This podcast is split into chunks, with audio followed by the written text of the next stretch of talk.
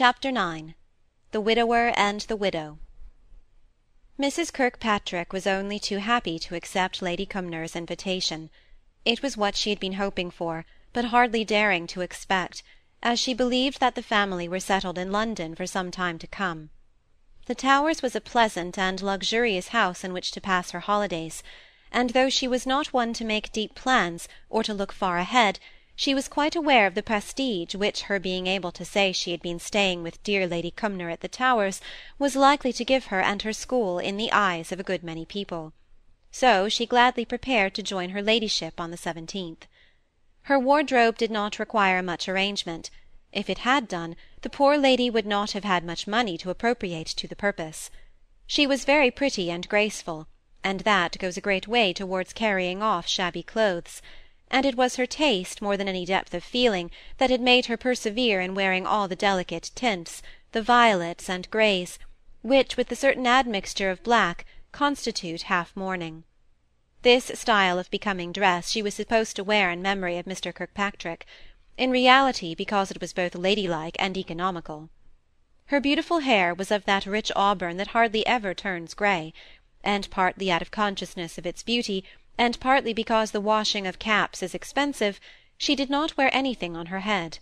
Her complexion had the vivid tints that often accompany the kind of hair which has once been red, and the only injury her skin had received from advancing years was that the colouring was rather more brilliant than delicate, and varied less with every passing emotion. She could no longer blush, and at eighteen she had been very proud of her blushes. Her eyes were soft, large, and china blue in colour; they had not much expression or shadow about them, which was perhaps owing to the flaxen colour of her eyelashes. Her figure was a little fuller than it used to be, but her movements were as soft and sinuous as ever. Altogether she looked much younger than her age, which was not far short of forty. She had a very pleasant voice, and read aloud well and distinctly, which Lady Cumnor liked. Indeed, for some inexplicable reason, she was a greater, more positive favourite with Lady Cumnor than with any of the rest of the family, though they all liked her up to a certain point, and found it agreeably useful to have any one in the house who was so well acquainted with their ways and habits, so ready to talk when a little trickle of conversation was required, so willing to listen, and listen with tolerable intelligence, if the subject spoken about did not refer to serious solid literature, or science, or politics, or social economy. About novels and poetry, travels and gossip, personal details or anecdotes of any kind, she always made exactly the remarks which are expected from an agreeable listener, and she had sense enough to confine herself to those short expressions of wonder, admiration, and astonishment which may mean anything, when more recondite things were talked about. It was a very pleasant change to a poor unsuccessful schoolmistress to leave her own house full of battered and shabby furniture. She had taken the good-will and furniture of her predecessor at a valuation two or three years before where the look-out was as gloomy and the surrounding as squalid as is often the case in the smaller streets of a country town, and to come bowling through the Towers Park in the luxurious carriage sent to meet her. To alight and feel secure that the well-trained servants would see after her bags and umbrella and parasol and cloak without her loading herself with all these portable articles, as she had had to do while following the wheelbarrow containing her luggage in going to the Ashcombe coach-office that morning to pass up the deep-piled carpets of the broad shallow stairs into my lady's own room, cool and deliciously fresh even on this sultry day, and fragrant with great bowls of freshly gathered roses of every shade and colour. There were two or three new novels lying uncut on the table the daily papers, the magazines. Every chair was an easy-chair of some kind or another, and all covered with French chintz that mimicked the real flowers in the garden below. She was familiar with the bedroom called hers, to which she was soon ushered by Lady Cumnor's maid.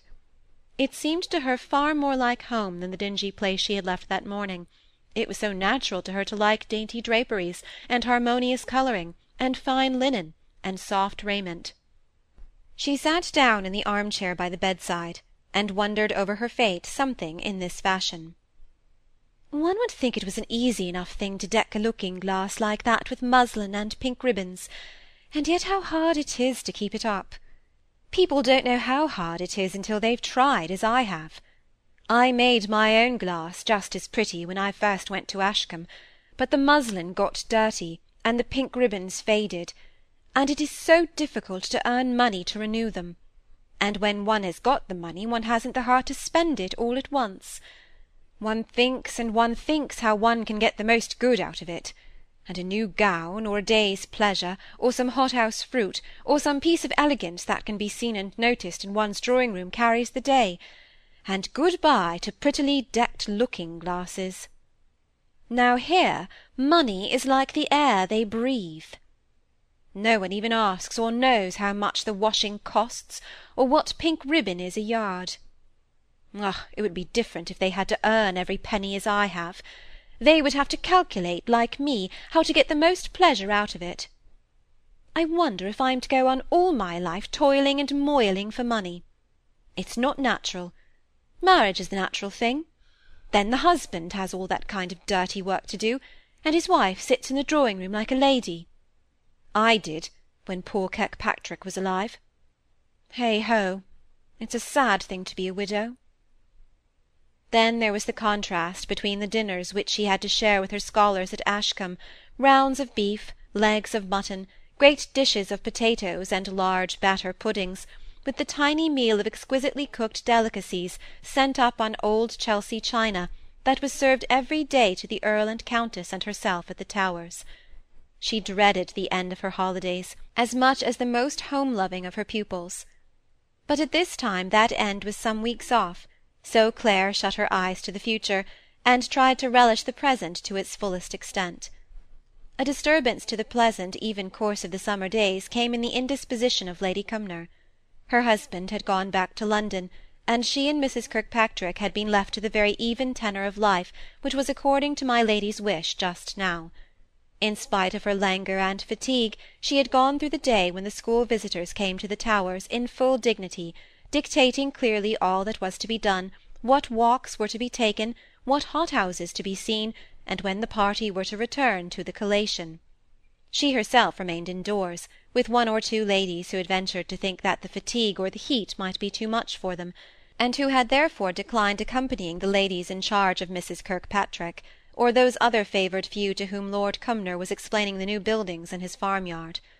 With the utmost condescension, as her hearers afterwards expressed it, Lady Cumnor told them all about her married daughter's establishments, nurseries, plans for the education of their children, and manner of passing the day.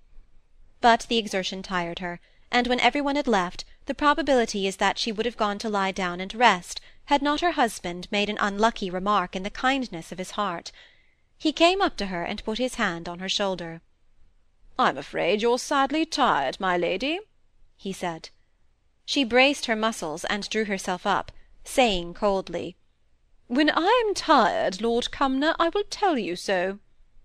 And her fatigue showed itself during the rest of the evening in her sitting particularly upright, and declining all offers of easy-chairs or footstools, and refusing the insult of a suggestion that they should all go to bed earlier. She went on in something of this kind of manner as long as Lord Cumnor remained at the Towers. Mrs. Kirkpatrick was quite deceived by it, and kept assuring Lord Cumnor that she had never seen dear Lady Cumnor looking better, or so strong. But he had an affectionate heart, if a blundering head, and though he could give no reason for his belief, he was almost certain his wife was not well. Yet he was too much afraid of her to send for Mr. Gibson without her permission. His last words to Clare were, it's such a comfort to leave my lady to you. Only don't you be deluded by her ways. She'll not show she's ill till she can't help it. Consult with Bradley. Lady Cumnor's own woman, she disliked the new-fangledness of lady's maid. And if I were you, I'd send and ask Gibson to call. You might make any kind of pretence. And then the idea he had had in London of the fitness of a match between the two coming into his head just now, he could not help adding, Get him to come and see you. He's a very agreeable man. Lord Hollingford says there's no one like him in these parts, and he might be looking at my lady while he was talking to you, and see if he thinks her really ill. And let me know what he says about her. But Clare was just as great a coward about doing anything for Lady Cumnor which she had not expressly ordered, as Lord Cumnor himself. She knew she might fall into such disgrace if she sent for Mr. Gibson without direct permission, that she might never be asked to stay at the Towers again; and the life there, monotonous in its smoothness of luxury as it might be to some, was exactly to her taste. She in her turn tried to put upon Bradley the duty which Lord Cumnor had put upon her. "Mrs. Bradley," she said one day, "are you quite comfortable about my lady's health? Lord Cumnor fancied that she was looking worn and ill." "Indeed, Mrs. Kirkpatrick, I don't think my lady is herself. I can't persuade myself as she is, though if you was to question me till night, I couldn't tell you why." "Don't you think you could make some errand to Hollingford, and see Mr. Gibson, and ask him to come round this way some day, and make a call on Lady Cumnor?" "It would be as much as my place is worth, Mrs. Kirkpatrick. Till my lady's dying day, if Providence keeps her in her senses, she'll have everything done her own way, or not at all. There's only Lady Harriet that can manage her in the least, and she not always." "Well, then, we must hope that there is nothing the matter with her, and I dare say there is not. She says there is not, and she ought to know best herself."